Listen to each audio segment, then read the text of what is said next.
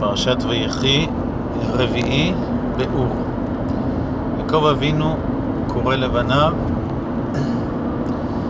ואומר להם, אאספו ואגידה לכם את אשר יקרא אתכם באחרית הימים. ואנחנו מצפים שיעקב אבינו יבשר להם את הקורות אותם, את העתיד לקרות להם. אבל מיד פסוק אחר כך, יקבצו ושמעו בני יעקב ושמעו אל ישראל אביכם. האם זה המשך ישיר? אפשר לפרש כך. ואם נפרש כך, שזו קריאה לאיסוף, להקשבה משותפת, אזי נפרש את הברכות כברכות שמדברות על מה שיקרה באחרית הימים. זאת אומרת, אין אלה רק איחולים, או העברת ירושה, או משהו מעין זה, אלא יעקב אבינו בעצם מתאר את מה שעתיד לקרות. השירה שבברכות, הפיוט שבברכות, הוא בעצם תיאור של מה שכל אחד יקבל בסופו של דבר. איזה נחלה, נפתלי היה לה שלוחה, איזה שפע, יוסף, המצב המדיני, הביטחוני שלו, בנימין זאב יטרף בבוקר יאכל עד ולערב יחלק שלל, וכן על זו הדרך. אבל חז"ל ורש"י בעקבותיהם ביארו שבין הפסוק הראשון, אשר יקרא אתכם באחרית הימים, לבין הפסוק השני, יקבצו ושמעו בני יעקב ושמעו אל ישראל אביכם, יש פער. והפער הזה הוא הפער שבין הרצון של יעקב לבין מה שהשם נותן לו. ומה פירושו של דבר? הוא רוצה להגיד להם את אחרית הימים. בלשון חכמים ביקץ, ביקש יעקב לגלות את הקץ. הוא רוצה לתאר להם את התהליכים ההיסטוריים, להבהיר להם שאף על פי שתהיה גלות ויהיו צרות, בסוף תהיה גאולה, ולתאר את הקשר בין הגלות והצרות לגאולה. אבל נסתתמה ממנו כדברי חכמים. אי אפשר לגלות את הקץ, אי אפשר להבין את מהלכי השם בהיסטוריה לפני שהם קרו. אחרי שהם קרו, באחרית הימים, נדע. אבל לפני שהם קרו ותוך כדי שהם קורים, מהלכי השם הם בהסתר, הם לא בגילוי. וכשיעקב אבינו רואה שהוא לא יכול לגלות, שהוא לא יכול להגיד את אשר יקרא באחרית הימים, אז הוא אומר מילים אחרות, יקבצו ושמעו בני יעקב ושמעו אל ישראל אביכם, בבחינת ברכה, בבחינת אפיון של זהות, אבל לא גילוי ההמשך. נעיין רק בשלושת הבנים הראשונים. הפתיחה היא קשה.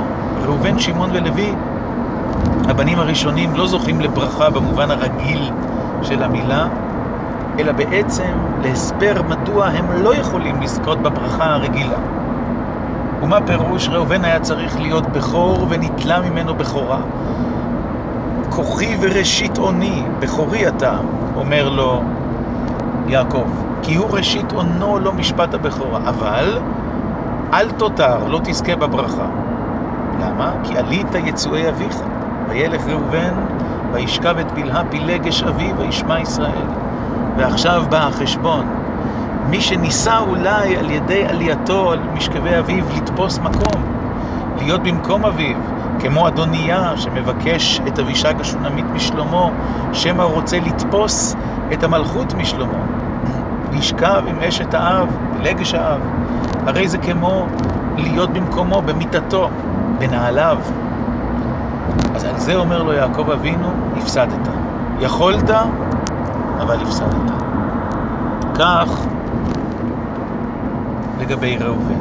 לגבי שמעון ולוי הדברים הם חדים וחריפים, כלי חמאס מחירותיהם, יחד, אחים, בסודם אל תבוא נפשי, כלומר בקבוצתם, במזימתם אל תבוא נפשי, בקהלם אל תיחד כבודי, כי והפעם הרגו איש וברצונם יקרו שור, והוא עורר את אפם ואת עברתם כי קשתה. בדרך המדרש, ורש"י גם מביא, מדובר על מכירת יוסף. וכיצד אנחנו יודעים שהם אלה שמכרו את יוסף? רק בדרך רמז ויסור את שמעון, או על דרך ההשוואה לפרשת שכם. אבל פשוט יותר שיעקב אבינו מדבר כאן על פרשת שכם ועל הוויכוח שהיה לו עם שמעון ולוי שם, והוא אומר להם, הגזמתם, הלכתם רחוק מדי. המעשה שעשיתם היה מעשה שלא יעשה, לא, לא הצלה דינה, לא פגיעה בחמור או בשכם, שהיו ראויים לעונש. אבל הפעם ועברתם כי קשת, ויהרגו כל זכר. המעשה העצמאי הזה שעשיתם, אי קבלת הרשות ממני, והסיכון שסיכנתם את כולנו, וגם הפן המוסרי שלו, לא כל אנשי שכם היו קשורים לזה. מכל הבחינות האלה, ארור הפעם כי אז ועברתם כי קשת. ואולי זה מתגלגל למכירת יוסף. ועל כן, אומר יעקב אבינו, אכלכם ביעקב ואפיצם בישראל. וכבר פרשו מפרשים שעניין אכלכם ביעקב ואפיצם בישראל איננו עונש או סתם עונש במובן הרגיל, אלא אם הם יהיו מפוזרים בתוך ישראל כחלק מהשבטים, אזי באמת התכונות העזות, הטובות שלהם, יוכלו להופיע בצורה מאוזנת וטובה.